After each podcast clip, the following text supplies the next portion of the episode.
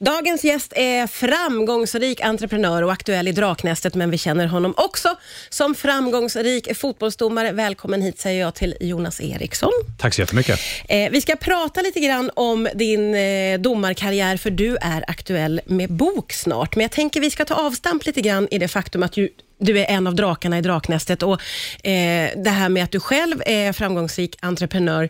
Hur uppstod ditt intresse för affärer? Ja, det kan man fråga sig. Ja. Jag, jag är ju journalist i grund och botten som tyckte det var jättekul att skriva artiklar för lokaltidningen uppe i Luleå där jag är född och uppvuxen. Men märkte att det var ju roligare att sälja artiklarna. Ja. Att komma på vinklar så man kunde sälja samma artikel fyra gånger. Det, det gav en större kick än att skriva den perfekta artikeln där meningarna flöt ihop på bästa sätt. Så jag insåg att den där kommersiella delen var intressant. Och Sen började jag jobba med kommersiell TV, sälja TV-rättigheter, byggde upp ett bolag med några otroligt duktiga människor som växte från ett otroligt litet företag till ett otroligt stort. Vi sålde företaget, vi fick lite pengar och vi utvecklade det till något otroligt fantastiskt. Så där skapades det här intresset att Ja, men entreprenörskap. Eh, Hur, hur viktig var den delen, att du kunde sälja och få loss pengar och sen gissar jag att du kan släppa både kreativitet och annat fritt? Ja, men det är klart det var en stor fördel att kunna göra det, att satsa på det man verkligen ville och kanske inte behöva tänka på alla beslut, att det var det mest livsavgörande. Våga chansa lite grann också och ha möjlighet att be folk dra åt helvete emellanåt. man, man, säger, man säger det, dra åt helvete kapital. Nej, men att kunna göra det man vill, inte hoppa på sammanhang man inte vill göra, inte jobba med personer som man inte känner för. Så det gav såklart en otrolig uppsida.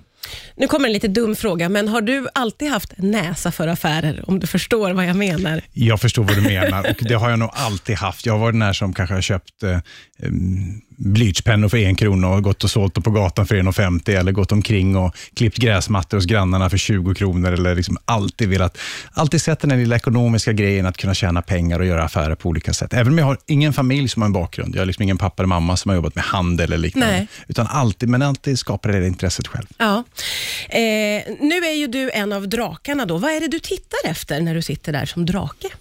När någon kommer in med den här passionen i ögonen, den här glöden, att de brinner för det till 100 procent, det är nummer ett. Och nummer två, någon som verkligen har gjort sin hemläxa. Någon som kommer in dit och är medveten om olika saker och som känner en Alltså som har svarat på frågorna i förhand, som har ju lagt ner tiden, de tittar vi på i första hand. De människorna lyckas otroligt ofta och lyckas de inte första gången, så lyckas de andra gången. Och hur, hur svårt eller lätt är det att hitta dem då, tycker du? Ja, det är jättesvårt såklart. Det är inte det att det är självklart, utan ibland kommer in och man tänker, wow, vilken människa. Men sen när den personen börjar prata, man börjar utmana, ställa frågor, har de koll på siffrorna, har de tänkt tankarna om framtiden? Det är inte alltid det är ett självklart var, att de är duktiga då. Mm. Det måste vara så otroligt svårt och även lite nervigt tänker jag för dig som drake, att i den där stunden då kunna identifiera om det är någon som du tror på och någon som du vill investera pengar i. Vad är det du kan bidra med då till de här unga nya talangerna Jonas?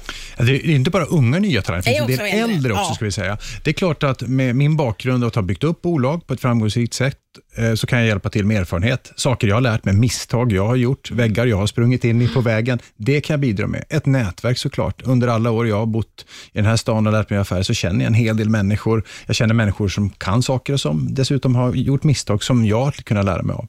Så den erfarenheten finns ju hela tiden där och den kan man ju dela med sig av såklart. Du nämnde ju att du alltid har haft den här näsan för affärer och att du kunde tjäna dig en peng redan som liten. Hur viktigt är pengar för dig? Pengar är inte absolut viktigt i grunden. Det ger en trygghet. Det har inte förändrat mitt liv märkvärdigt, även om jag har haft en framgång och kunnat göra affärer och fått det gott ställt. Men det ger en trygghet. Jag behöver inte oroa mig för att bli sjuk. Jag behöver inte fundera så mycket på min framtid. Jag kan hoppa på ett jobb och ett uppdrag som är lite betalt, men för att jag tycker det är så fruktansvärt roligt. Och Det är en otrolig möjlighet och en trygghet både för mig och min familj såklart. Eh, jag sa ju det inledningsvis att vi är ju väldigt, väldigt många som också känner dig som framgångsrik eh, fotbollsdomare och du är ju faktiskt aktuell med bok som ska släppas i oktober, ska den komma, Korthuset, eh, där du lite grann, det, det utlovas en liten inblick bakom kulisserna om jag förstår saken rätt. V- hur har du tänkt när du har skrivit den här boken? Om man tittar på fotbollsvärlden, det finns ju ingen värld som är så offentlig, där man får se allt med 32 kameror, 8 superslowmos och repriser på exakt allt som händer. Men när spelarna går in i tunneln, när domarna lämnar planen, då vet ingen vad som händer. Det är en sluten värld. Eh, folk har berättat historier om domarvärlden. Oftast har de fortfarande dömt eller varit mitt i karriären. Jag har slutat, jag har lagt pipan på hyllan. Jag har bestämt mig att jag inte kommer att vara kvar i den där. Och titeln, Korthuset, som i alla böcker ska man hitta en titel och så skickade jag ett utkast till min otroligt duktiga förläggare och hon sa hon att det här påminner om House of Cards. Och så gick det en halvtimme och så tänkte man, House of Cards, det betyder ju faktiskt korthuset. Och det är väl exakt så en domarkarriär är. Man bygger den här karriären långsamt, långsamt, steg för steg. Kanske då med gula och röda kort för att in det. Och sen helt plötsligt så rasas allt. Allt raseras och du är ju inte förberedd på det, utan det är ett misstag, en incident, en händelse som gör att allting försvinner blixtsnabbt. Och Det är lite grann så en domarkarriär är. Och Det är det som händer. Plus att i House of Cards, tv-serien, den fantastiska, finns ju många typer människor som är hänsynslösa, egoistiska, cyniska, korruption, svågerpolitik, precis som fotbollens värld. Alltså det där blir man ju otroligt nyfiken på, måste jag säga. Bra insålt för kommande boken. Eh, när gick det upp för dig att det pågår saker och ting bakom kulisserna? Har du alltid vetat det?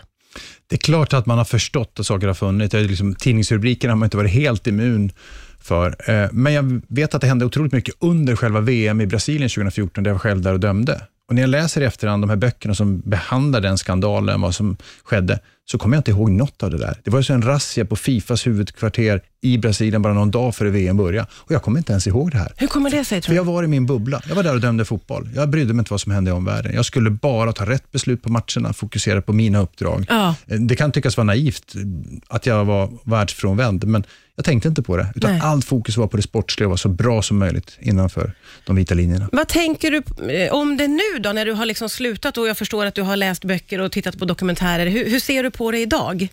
Jag kan titta tillbaka på det och säga, ibland undrar jag om jag hade fortsatt att döma om jag hade känt till allt det jag vet i efterhand. Jag hade världens bästa karriär. Jag älskar att döma fotboll och jag uppskattade varenda sekund som jag gjorde på planen. Men när jag ser tillbaka på det, skulle jag vilja göra samma resa igen? Det vet tusan. Gud vad spännande. Men när du slutade så var du väl ganska öppen med att det handlade om ledarskap vad jag förstår. Ja. Eh, hur tänkte du då? Nej, men jag, jag, var såklart, när jag inte blev uttagen till VM, besviken som man ska vara när man inte får spela i en laguppställning som spelare eller som domare. Mm, mm. Eh, och jag, jag fick frågan varför och då var jag ärlig och sa att men det är ett dåligt ledarskap. Och Sen sa jag inte så mycket mer. då. Sen dess har jag varit tyst i tre år. Jag tänkte att det får ta sin tid. Jag har fått massa frågor om att skriva böcker, jag har lett Landa och sen så är jag lugnare och skrivit en bok som jag har fått göra ordentligt. Som inte bara handlar om det allra sista i min domarkarriär, utan om hela min karriär, vad som hände, spelet bakom kulisserna och lite annat. Hur kommer folk att reagera när de läser boken, tror du? då? Åh fan, kan man säga. Det är så här det går till. Gud vad spännande, tror jag. Gud vad, Hoppas Gud vad spännande, jag känner faktiskt likadant måste jag säga. Vad saknar du med domarlivet då? Oj, den där kicken att gå in på en arena inför 80 000 människor som skriker, där alla är där för att se sitt favoritlag spela. Det är 32 kameror och följer varenda steg jag tar och det har en enda uppgift att komma därifrån utan att någon kommer ihåg att jag var på plats. Att vara totalt osynlig, var den största adrenalinkicken man kunde få. En jättekonstig reaktion man sökte. Den kicken kommer jag aldrig att få igen. Jag är en prestationsknarkare, jag älskar att prestera och uppleva saker. Men den går inte att uppleva, den måste man göra mitt på planen. Ja, det är så, och det den, finns inget annat. Det, finns, det går inte att komma upp där. Tröttheten kan man nå, men den mentala anspänningen och den här bubblan man befinner sig i, nej, det, det är där man måste vara. Vilket eh, spännande liv du har och vad roligt att få prata med dig lite. Jag ser mycket fram emot boken. Tack snälla Jonas Eriksson för att du kom hit idag. Tack för att jag fick komma.